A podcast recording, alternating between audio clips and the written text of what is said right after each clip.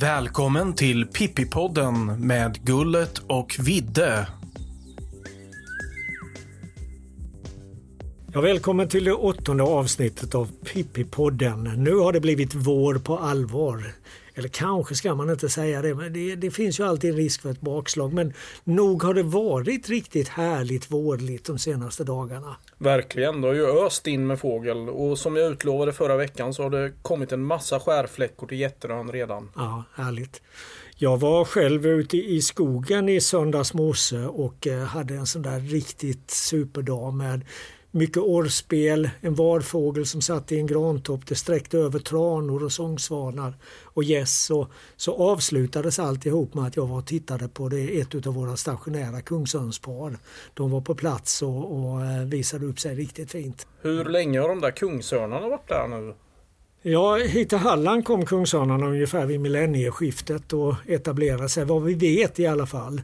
Till Skåne kom de väl tio år tidigare ungefär och eh, även i ett antal andra sydsvenska landskap så har de ju etablerat sig under de ska vi säga, senaste 25 åren. Häftigt. Mm. Och igår när jag skulle åka hem från Jätterön efter jobbet där så noterade jag ganska sent på eftermiddagen att eh, sträckte in lite ormvråkar. De hade ju haft över 3000 ormvråkar nere vid Hittarps rev utanför Helsingborg. Ja. Det är ju verkligen ett vårtecken. Ja det där är ju häftigt att se. Alltså de här ormvråkarna de kommer ju från allra nordöstligaste Själland och flyger över Öresund där Öresund är nästan som smalast. Och, och sen så fortsätter de ju upp över nordvästra Skåne och kommer in i Halland, i, i, över Hallandsåsen. Och det där kan man få uppleva om man är på rätt plats men det är ju mycket svårare att hitta den här rätta platsen i Halland jämfört med där nere i nordvästra, eh, nordvästra Skåne eftersom vindriktningen påverkar så mycket var stråket sen går. Men, men, eh, det är ju också ett sånt här härligt vårtecken. Jag har sett ett annat riktigt härligt vårtecken just idag. Eh, och det är flockar med sträckande bläsänder. Precis som ejdrarna flyger de söderut längs Hallandskusten nu på våren för att sen från Laholmsbukten ge sig in över land. Och det är så maffigt att se de här flockarna på kanske 70-80 bläsänder ja, som kommer tätt. Det är häftigt. Med, särskilt om det är lite blandat i med stjärtänder och krickor och annat också. Kanske till och med några ejdrar. Men eh, nej, sen började det dyka upp lite mindre sångsvanar här och var med som vi pratade om förra veckan. Det låg några på Jätterön igår och idag kom det till Trönninge ängar också såg jag. Så. så här när det våras i markerna så våras det ju också för fenologin den här kunskapen om årstidernas växlingar som främst kommit att förknippas med vårtecken. Och nu uppmanas vi att medverka i både fågelkalendern och naturens kalender och allt vad det heter. Och det där är väl kul. Men även i detta sammanhang så finns det svartepettrar, folk som stringar arter för att bli först. Detta är något som du reagerat starkt på, Kalle Artberg från anrika OK i Örebro. Välkommen till Pippipodden! Tack ska ni ha! Kul att få komma ner till Halland och möta vårfåglarna. Men vad säger du om att det varje år rapporteras till exempel träpipplärkor redan nu i mars månad? Det finns mycket i livet som kan drabba en, men det värsta av allt är fenologifel. Jag har en röd bok där jag skriver upp skådare som har tidiga eller sena obsar av en del fågelarter i vårt avlånga land, ska jag tala om. Träpipplärka i mars är katastrof. Eller att tro att man ser grönbena, fast det alltid är skogssnäppor som kommer först. Det finns så mycket exempel på sånt där att jag tappar fattningen. Och en bivråk, även den i mars, kan det vara riktigt? Bivråkar, ja detta gissel. Det är ormvråkar. Folk måste lära sig att det är en Afrikaflyttare som drar härifrån tidigt på året. De första ofta redan i augusti och sedan kommer de tillbaka i början av maj.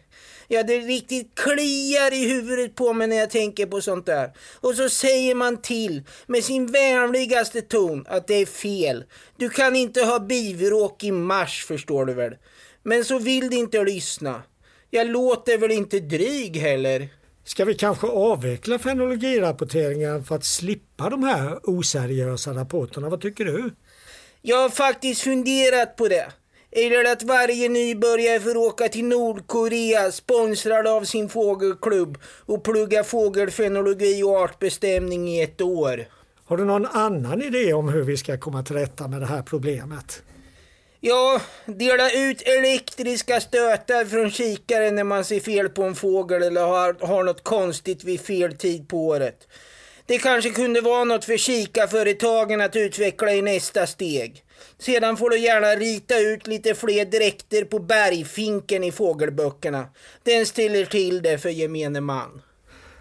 Ni som är med i OK, den här illustra församlingen, ornitologiska klubben i Örebro, ni brukar ju fira blot vid era sammankomster. Har ni även ceremonier för att bli kvitt de här vårstringarna? Visst är det så. Vi tar deras kikarutrustning, lägger ut den på Blocket och säljer den. Det är så vi finansierar våra fågelresor utomlands. Lesbos i april kommer bli fint. Ja, nu tänkte jag ju närmast på en jämförelse med frimurare, godtemplare och andra som har sådana här hemliga riter. Det kanske ni också har. Förr så talade man ju mycket om att misslyckade bovar i Stockholm kunde få ståplats i Nybroviken. De blev fastmurade i en balja cement och sedan sänkta i viken. Finns det ståplats i Rynningeviken också? Så långt har vi inte kommit ännu. Men jag ska ta upp det på nästa möte. Det låter som en härlig idé. Ja, tack så mycket Kalle Artberg från Örebro. Vad ska du göra nu då? Nu ska jag ut och försöka hitta årets första lövsångare här i södra Sverige. För de kommer ju nu i mitten på mars, inte sant?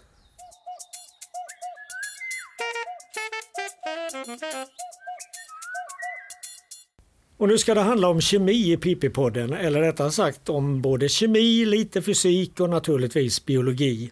Det ska handla om stabila isotoper av grundämnen som markörer för fåglars uppväxtmiljö.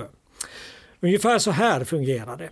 Grundämnen kan förekomma i flera olika former beroende på hur många neutroner ämnet i fråga har. Och förhållandet mellan de här olika isotoperna av exempelvis väte de varierar över jorden. Och sedan ganska länge har det funnits kartor som visar de här förhållandena.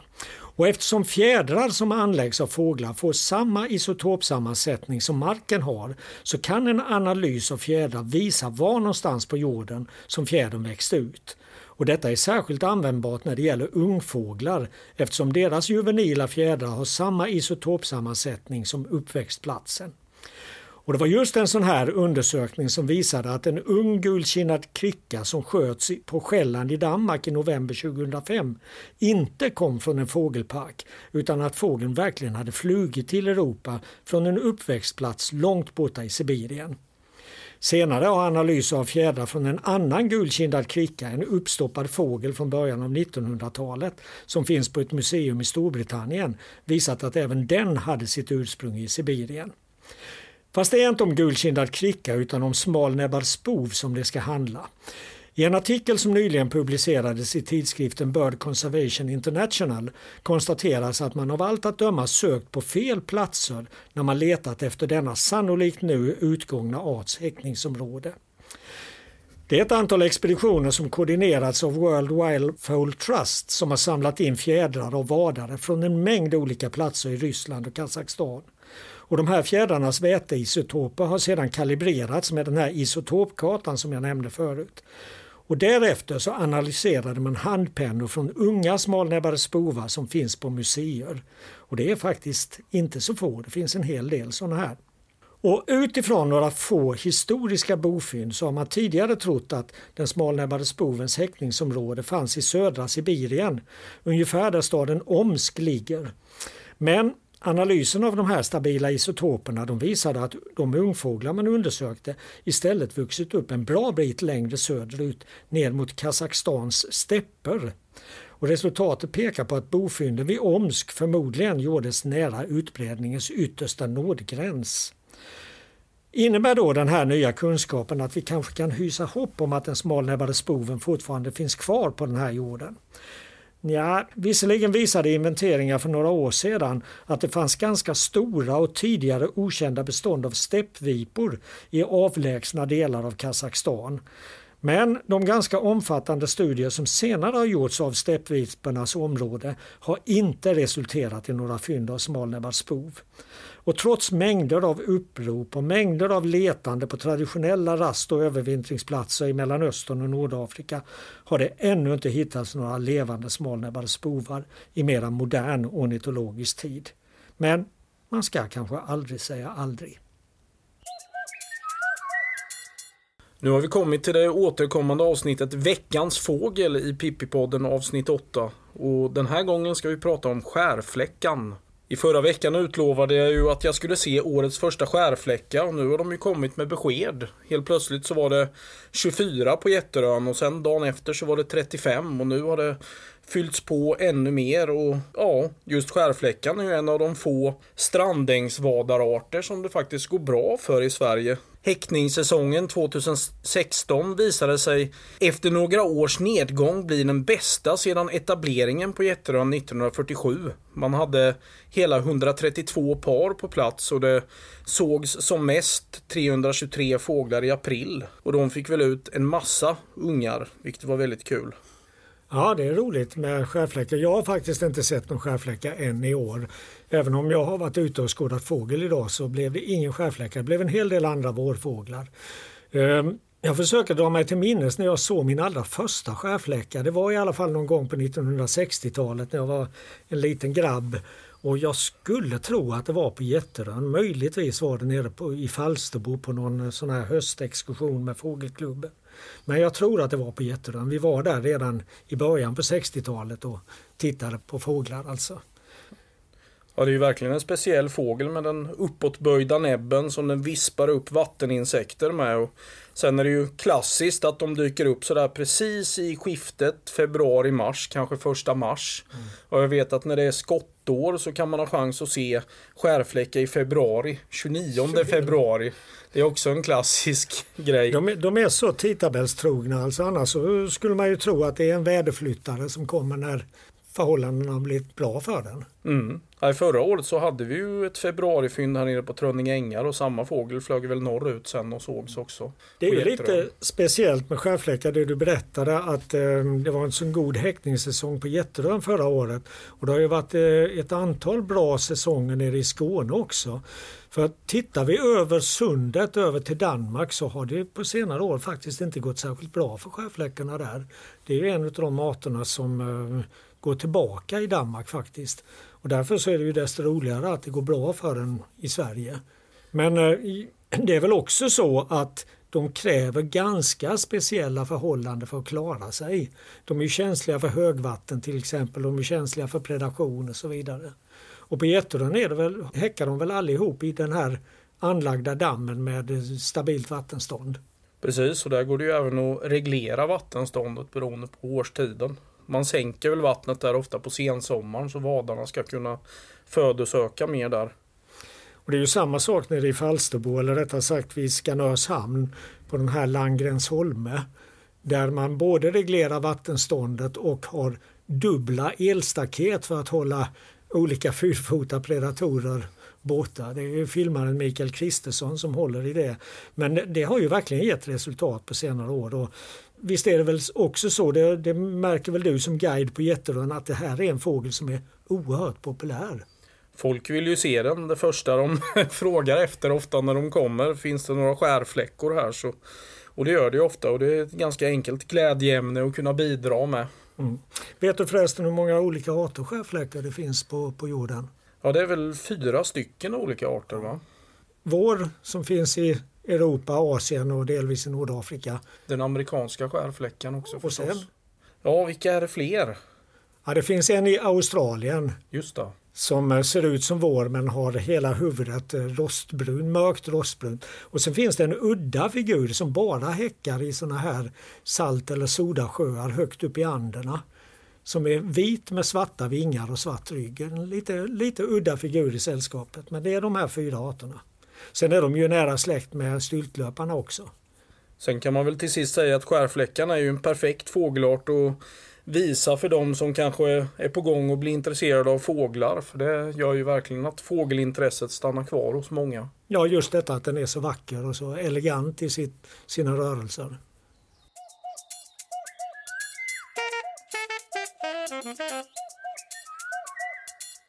Ja, man kan odla sitt fågelintresse på väldigt många olika vis och nya sätt har kommit till tack vare Facebook och andra sociala medier. En lite udda grupp i det här sammanhanget kallas för cinemaornitologi och det handlar om att identifiera så många olika fåglar som möjligt som förekommer i spelfilmer och tv-filmer. Deltagarna i den här gruppen har totalt sett eller hört 439 olika arter och en person står helt i särklass. Gustav Eriksson har noterat inte mindre än 358 arter. Men ytterligare tre personer har i alla fall kommit över 100. Och för att höra lite mer om fåglar som kryddor i filmer har vi bjudit in en av landets allra främsta skådisar. Välkommen Mikael Persbrandt! Tack, det känns fint att ha hamnat i Gullets sovrum. Jag gillar att se nya miljöer. Nu ska vi prata fåglar här och det är något jag uppskattar. Ja, vad betyder det att ha lite fågelljud eller vingfladder i en film? Det tillför en extra dimension till tittaren. Lite skjutscener med skrikande människor och blod som rinner ut över parketten. Och sedan blir det alldeles tyst och en koltrast sätter igång och sjunger. Det gör att man får tänka till lite extra. Eller en stolon som spelar från en skogssjö som ditt enda sällskap när du gått vilse bland svampar, träd och bär. Det skapar känslor. Har du några speciella favoriter, till exempel i kärleksscener? Vilken fågelsång är den allra bästa för förarlåten? Det ska jag tala om för dig. Jag gillar kärrsångarens sång. Den är så jäkla nyckfull, precis som det är i förförarstadiet. Det går fram och tillbaka som vågorna på havet. Kärrsångaren har allt möjligt på sin repertoar. Allt från bilar, och näktergalar till blåmesar. Den förmedlar passionen i kärleken.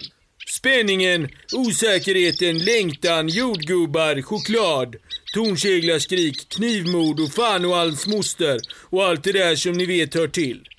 Om vi vänder på det och istället tar kusliga läten, vilket fågelläte är allra bäst när det gäller att skapa skräck eller i alla fall spänning i en film? Jag måste säga att slagugglan är väldigt läskig. Jag gick längs en skogsväg i norra Uppland en natt en gång tillsammans med Ingmar Bergman. Då satte den igång och Ingmar sa Det där du, det där är döden som ropar på oss. Sedan den natten har jag haft svårt att sova. Finns det några andra sådana här exempel på fåglar som kan skapa en väldigt speciell stämning i en film? Det finns hur mycket som helst. Det är gott och känns gemytligt att dricka kaffe till pilfinkar som tjattrar från en buske. Eller om du vill ha dig ett gott skratt. Åk ner till Portugal och lyssna på spelande stortrappar. Då kan man säga att pruttkuddar ligger i lä. Det har väl du hört, Vidde?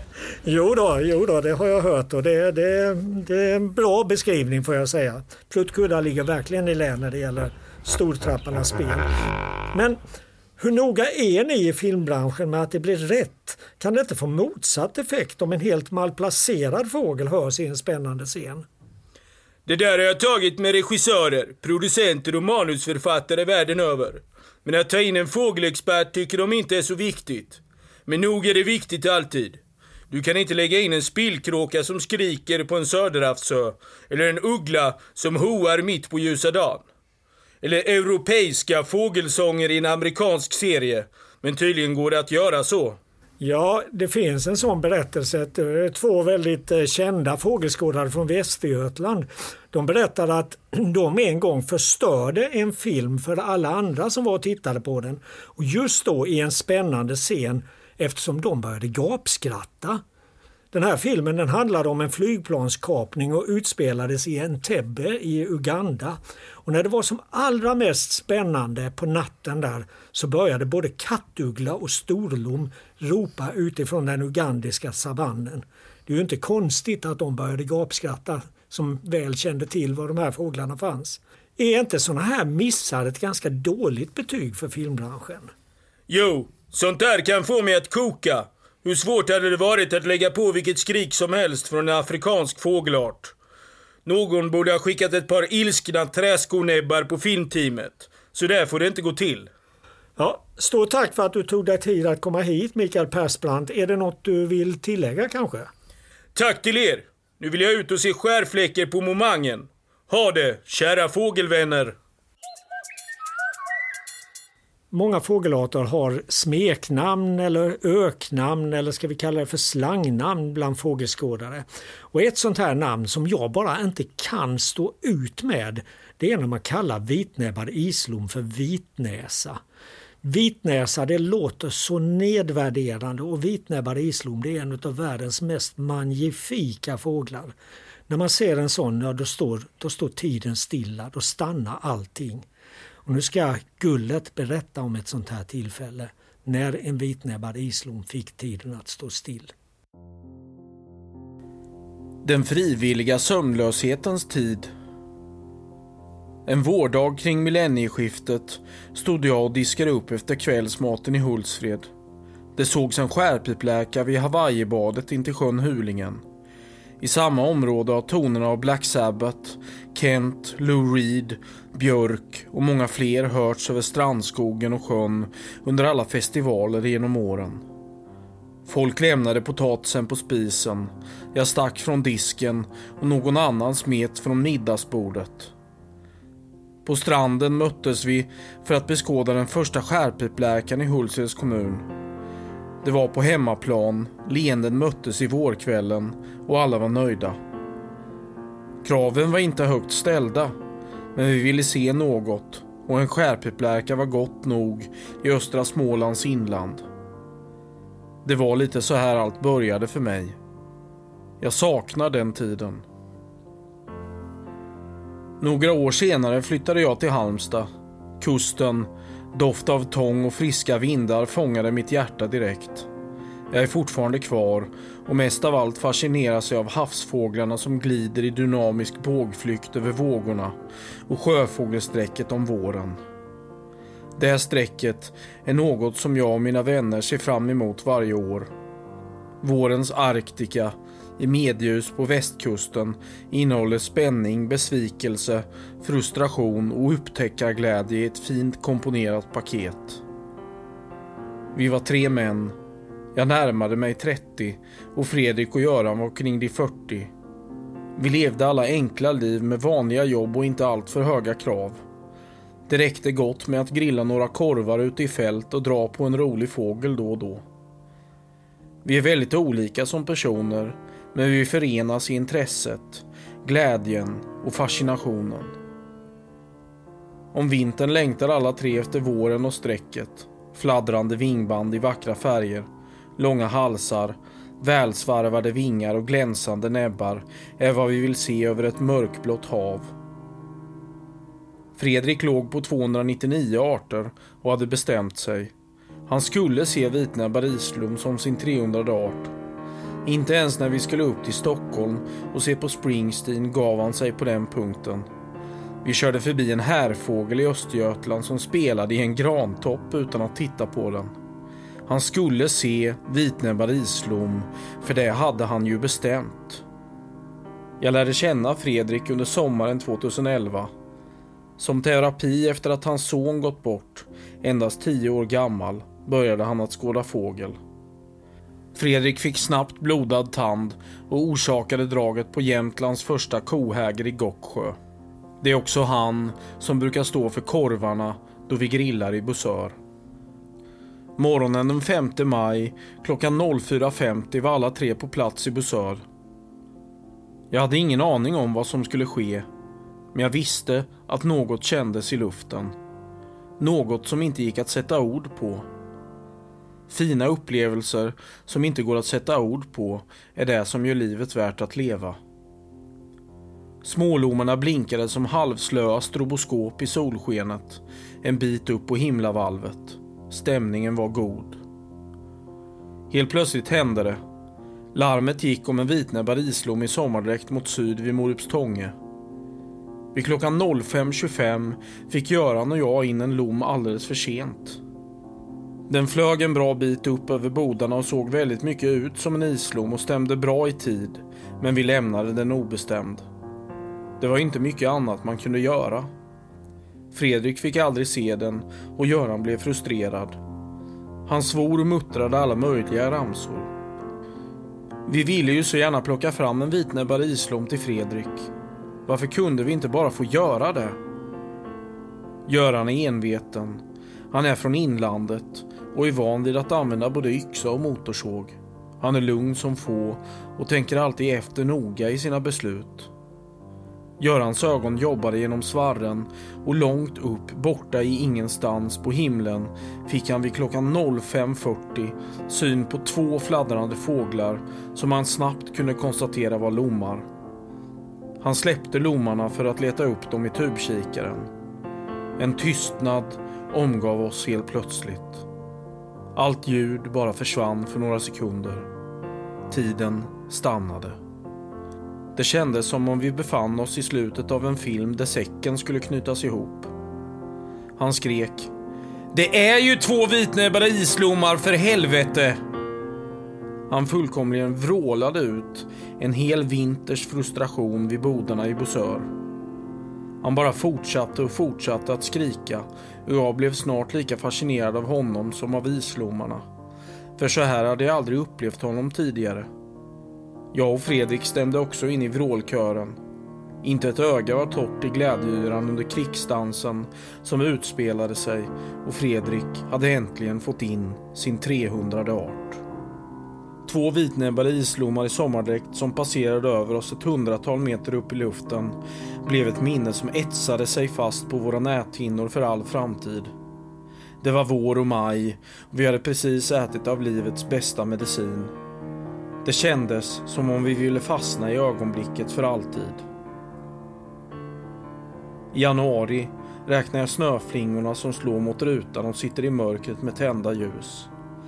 I februari finns så mycket tid som helst, men den används mest till att frysa. Under mars tänds förhoppningar som aldrig riktigt uppfylls. April är nyckfullhetens tid med dagar mörka som brunnsbottnar eller ljusa där kinden blir solsmekt en vindstilla dag. Maj är undrens tid, en välkommen vän som varit saknad. Den frivilliga sömnlöshetens tid. Maj är felprioriteringarnas månad där allt ändå känns helt rätt för att saker och ting helt enkelt är som de är. I den femte månaden flyger de vitnäbbade islommarna likt skepp mot sydost, högt på himlavalvet och flåsar i luften. Vad som helst kan dyka upp i markerna och blickar människor emellan blir allt varmare och gladare. Sedan kommer sommaren.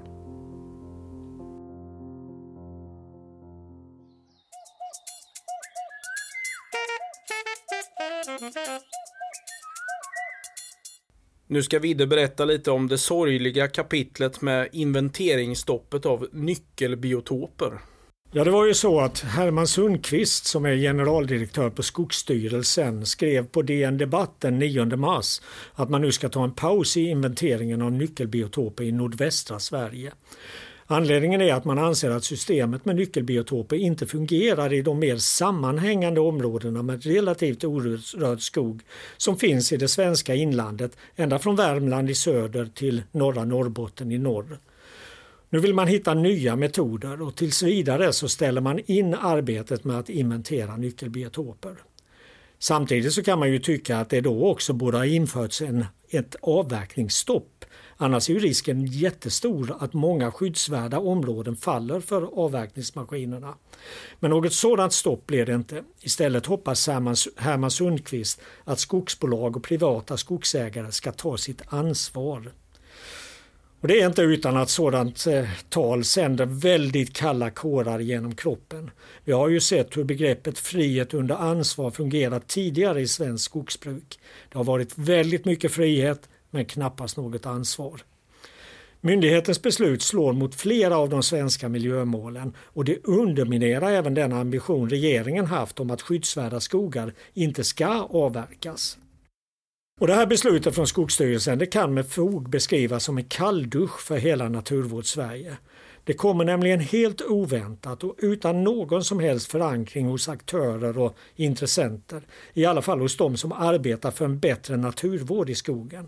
Dessutom, och detta är särskilt märkligt, har Skogsstyrelsen med beslutet väsentligt skadat förutsättningarna för den samverkansprocess som man har talat sig så varm för det senaste året. Och bara två veckor innan Herman Sundqvists debattartikel publicerades så möttes Skogsstyrelsens rådgivande organ utan att det här kontroversiella beslutet nämndes. Den öppna dialogen som utlovades när samverkansprocessen drogs igång har förbytts i ett diktat. Dessutom utan några som helst hänsyn till konsekvenserna. Ja, mer än att man hoppas att skogsbruket ska ta sitt ansvar alltså. Och det är precis denna slapphänta inställning vi i den rika världen kritiserar länder som Brasilien och Indonesien för när deras skogar skövlas. Det känns riktigt bittert att tvingas konstatera att Skogsstyrelsens ledning nu kör över Naturvårdssverige. Detta görs dessutom i ett läge där debatten om skogsbruk och naturskydd är mer polariserad än på länge. Det svenska skogsbrukets oförmåga, eller ska vi säga ovilja att implementera EUs naturvårdsdirektiv har lett till oerhört hetska angrepp på naturvården från bland annat LRF. Och nu sällar sig även socialdemokratiska kommunpolitiker till denna sorglustiga skara. Kommunalrådet och socialdemokraten Daniel Schützer i Årgäng han tycker nämligen att man ska skjuta vitryggiga hackspettar med paintballgevär så att de inte längre är vitryggiga. Mycket ska man höra innan öronen ramlar av. Mm, vad kommer hända nu framöver? Jag hoppas att det kanske börjar sträcka lite ejdrar om det finns några kvar och att det kanske döljer sig ett så kallat guld i flockarna. En pralin, en praktejder Kärt förbi. Kärt många namn. Visst är det väl så? Precis. Jag, jag berättade ju tidigare att jag har en alldeles speciell relation till vitnäbbad islom och att jag av den anledningen inte kan stå ut, att folk, stå ut med att folk säger vitnäsa. Och jag har en känsla av att du har ungefär samma relation till den här pralinen. Ja, jag tänker mest på att eh, jag har sett dig vid några tillfällen hur oerhört lycklig du har blivit när du har sett en sån här fågel. Och det, det kan ju vara lite svårt att förstå för de som inte är fågelskådare. Hur man kan bli sådär nästan helt salig när man ser en viss fågel. Ja, vad ska man jämföra det med? Det, det är som att du letat efter någonting under väldigt lång tid och du till slut hittar det. Så är det lite med att spana igenom ejderflock efter ejderflock och nu blir den ju allt mer och mer sällsynt med pralinen. Det har ju setts någon på Öland och någon i Blekinge nu i dagarna. Så det kanske blir en för Halland nu snart med.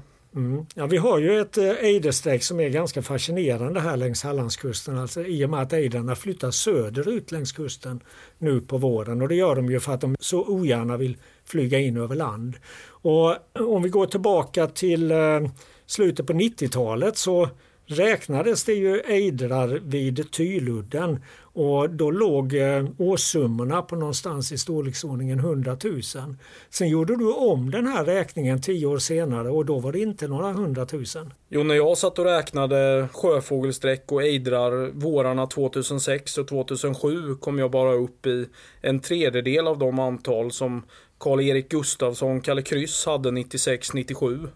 Och eh, ejdrarna har ju även minskat på Tylön eh, som ligger vid Tyludden här utanför Halmstad. Och som mest på 70-talet var det väl 1001 par. Och nu i dagens läge så är det ju bara drygt 100 par kvar. Tylön inventeras ju var tredje år är det väl. Så vi får väl hoppas att inventeringen nästa år kanske kan visa på något mer positivt eller? Ja, vad orsakerna till att ejdarna har gått så kraftigt tillbaka de är ju inte fullt klarlagda än men mycket tyder ju på att det handlar om att de inte hittar tillräckligt med föda och att det kan ha att göra med blåmusslorna eller blåmusselförekomsten i havet. Men eh, nu har ju inte ejdersträcket riktigt kommit igång än och eh, vi får som sagt hoppas att det, det gör det och att det förgyller våra dagar och alldeles särskilt med lite guld i flockarna. Och något annat som förgyller våra dagar nu är ju Planet Earth 2 som vi pratade om i förra veckan. Häftigt med de här flamingorna som går omkring och poserar i en... Ja, just när jag satt och tittade på det så kom min dotter som är 18 år in och hon blev helt, hon blev helt tagen och sa bara vi måste åka dit, vi måste åka dit, jag vill se dem, jag vill se dem i verkligheten. Ja, det är verkligen helt udda. De vaknar upp på morgonen och är fastfrusna i isen och så kommer solen fram och sen går de runt och latchar och de har inga naturliga fiender överhuvudtaget egentligen. De här processionerna när de går och vrider samtidigt på huvudet. Det ser, det ser ju nästan koreograferat ut alltså. Ja, då hörs vi om en vecka igen med eh, avsnitt 9 av Pippipodden. Jajamän! Nu hittade jag lövsångare den sjöng så fint för mig. Nej men nu är du väl allt ute och segla lite Kalle. Inte kan du väl ha sett en lövsångare nu? De kommer ju inte för en bit in i april. Du ska inte ifrågasätta mina obsar. Nu drar jag till skogs. Pippipodden tar gärna emot tips på vad som kan vara med i programmet i framtiden. Skicka oss gärna ett mejl på pippipodden gmail.com. Redigering av Frida Nettelblatt. Pippipodden produceras med stöd från Studiefrämjandet.